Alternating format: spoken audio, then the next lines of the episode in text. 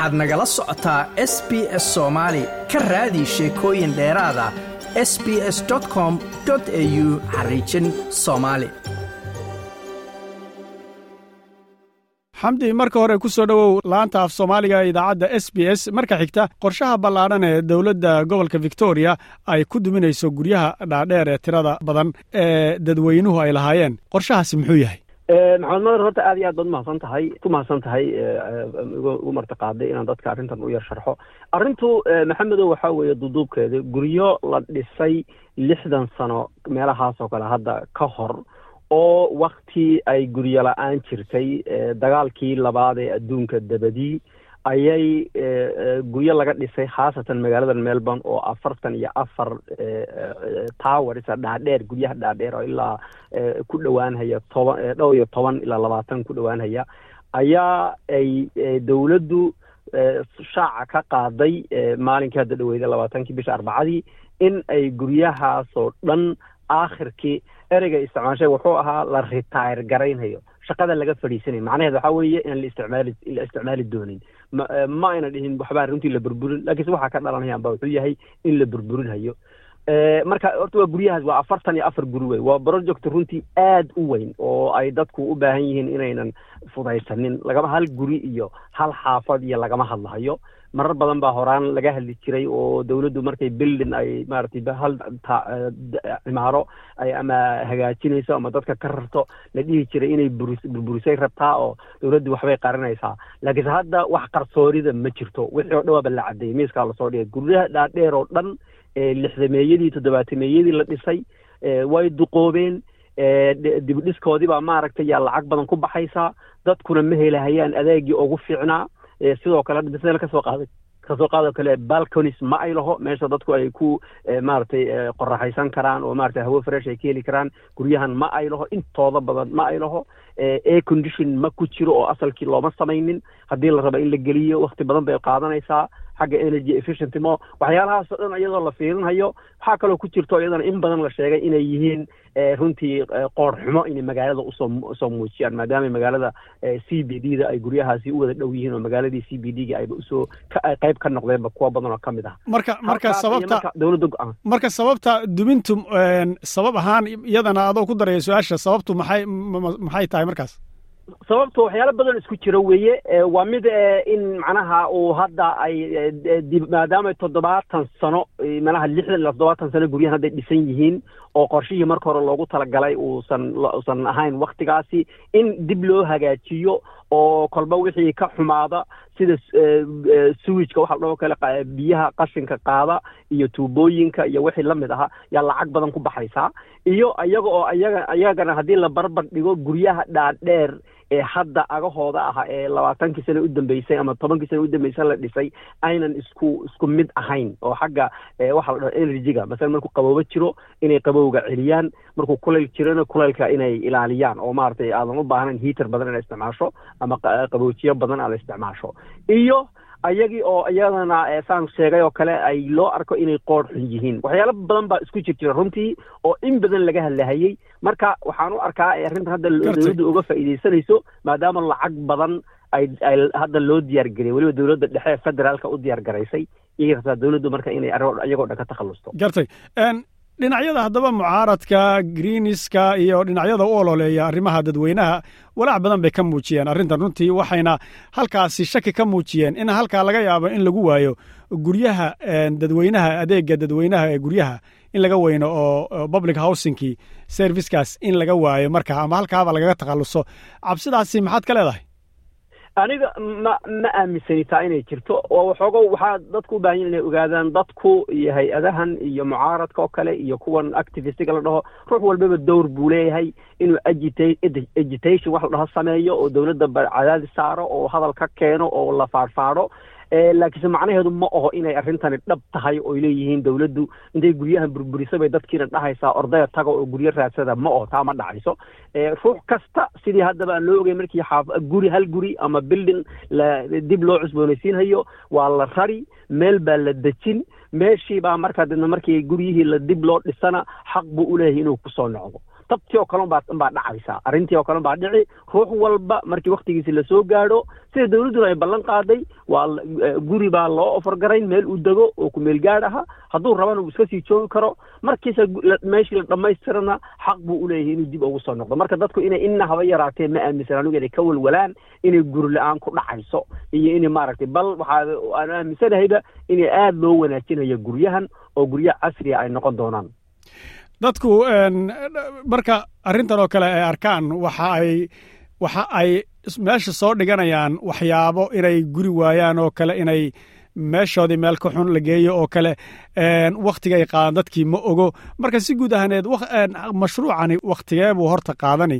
Midda xigtana qofka guryahan oo kala degan ee cabsida markii loo sheegaba cabsida ay ku soo dhacayso saamaynta tooska ah ee ku yeelan karta muxuu yahay horta waxaan dhihi dadku inaan kow arrintan horta aan laga welwelin oon cabsi noocaas laga muujin dabcan haddii la leeyahay gurigaagii baa la hagaajinhayaa meel kalaana laguu rari ruuxna waxay laga yaabaa meel ka fiican in la dejiyo kuwana meel untii u dhiganta in la dejiyo kuwana meeshii meel ka liidata. Waa taa iyadu iska xaqiiqada weeye oo lama dhihi karo maaragtay ruux walbaba meeshii meel ka fiican ama lamida buu degayaa laakiinse midda muhiimadda waxay tahay dawladdu sidaan oga barnay adeega australia ee inay lagu dhaho un orodoo adis daber ma jirto. Waa lagu lagu rari meel ku munaasab ah ayaa lagu geyni.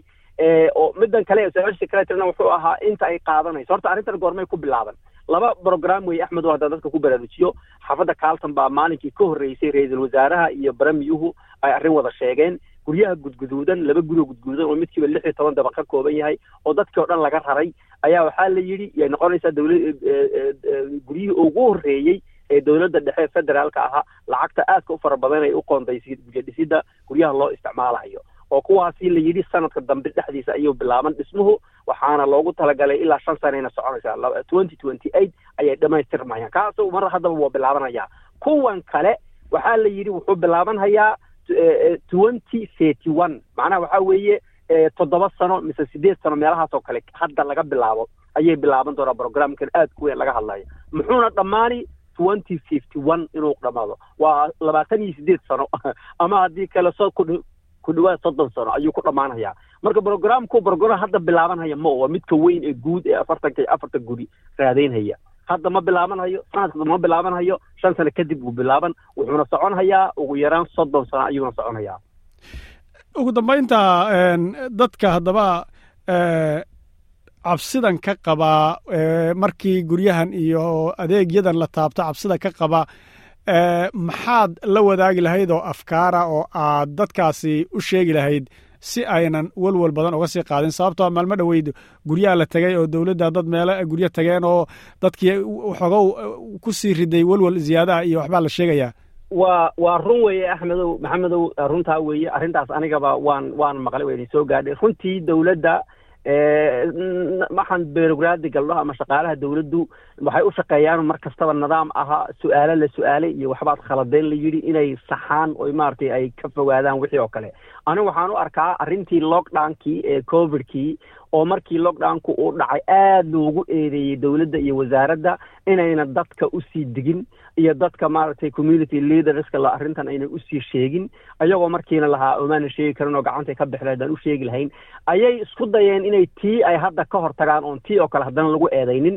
Saa darteed bay aniga waxaan maqlahay xamxamta isbuuc gudihii baan sii maqlahayey oo ladaa wax weyn baa la sheegaya wax weyn baa la sheegaya oo dad shaqaale oon isnaqaani iyo ay sheegahayeen markii u dambeysana markii websiteki la soo daabacay oo la sii daayey hal mar baa waxaa lagu sii daayey xaafad kasta guryaha dhaadheer ee ku yaalla bildin hoostiisa ah ayaa ilaa toban ruux oo shaqaalihii dowladda la keenay oo la yidhi dadka inay u jawaabaan. Waraaqaha lagu dhejiyey meelaha meelaha qaarkood guryaha dad guryaha lagu garaacay weliba kuwii lockdownka uu ku dhacay ee north melbourne oo kaliya filiminton waxaa lagu yidhi guryaha lagu garaacay oo la yidhi arrintaasay dowladdu samaynaysaa ha welwelina marka arrintii waxay noqotay maxamed owsaad adiga aragto hadduu ruux intuu ku yimaado uu ku ha welwelin wax dhibaato ma jirte waad welba baad bilaabi oo maxaa inaan welwelay ahayd? Maxaad maxaad ka wadaabad dhihi. Marka horta midda waxaan arkaa dowladdu ha shaki baa dhici. Dowladdu mid middaasi iyadoo khalad iyo ayaan la idin eedaynin ka cararaysa ayay maaragtay ku yar degdegtay. Waxaa ka habboonaan lahayd inay dadka intay dad diyaariyaan. Ruux alla ruuxii su'aal ka keena arrintan ay miidiyaha ka maqleen inay markaa loo sharxo. Oo markaa dadki gradual informationka u gaari lahaa. Haddase hal dadkii oo dhan bay hal mar ku tuureen. Dadkii marka xoogow argagax baa ku yar dhacad muddaa ay leeyihiin dadka qaarkood ay moodahayaanba arrintan inay haddaba bilaabanay dad baa waxay u fasirteen dadkii albaabka ku soo garaacay ee lahaa haddaa guryahaasa la samaynayaa dawladda idima ilowsane isdejiya lahaa inayba leeyihiin waa laydin rarhayaa diyaar garow inay leeyihiin bay u qaateen. Marka anu waxaan dhihi lahaa guud ahaan guryahan soomaalida haddaan la hadlo weliba jaaliyaddeena soomaalida haddaan la hadlo runtii waan ku soo reeraacnay dhibaatooyinkeediiyo waxoodana way iska wataan arrintii ay ka mid tahay lockdownka arrimo badan oo laga sheeganaya. Hadda waa fursad inayba iyagii la casriyeeyo oo iyagoo la casriyeeyey oo guryaha kale magaalada u eg inaan deganaano ama haddii kaleba meelo kaleba la dego. Arrintana lacag aad u weyn baa lagu bixinayaa dib baana loo dhisahayaa. Guryihii jiray ee dawladda wax ka yar lama dhisahayo. Waxay mar kastaba dawladdu leedahay guri kasta oo la burburiyo at least toban boqolkiiba toban ayaa lagu dari intii ka jirtay. Marka arrintani ma aho ina haba yaraatay dadka inay gurla-aan ku dhacayso. Arrimahaaska siyaasadda guud ahaa ee maaragtay la isku cayrsanayo yayna dadku moodin in laga hadlahayo dadkii baa banaanka loo tuurahaya iyo gurla-aan baa ku dhacaysa iyo dawladdu dadka arrimahaas kale la moodin. Ma aho waxa meesha ka socda. Aad baad u mahadsan tahay kaasi wuxuu ahaa xamdi cali oo aan ka waraysanaynay arrimaha guryaha dhaadheer ee dowladda victoria ay ku baaqday inay duminayso. Xamdi waad mahadsan tahay? Aadaa mudan maxamed. Mahadsan like aas la wadaag wax ka dheh lana soco barta facebooka ee sb s soomaali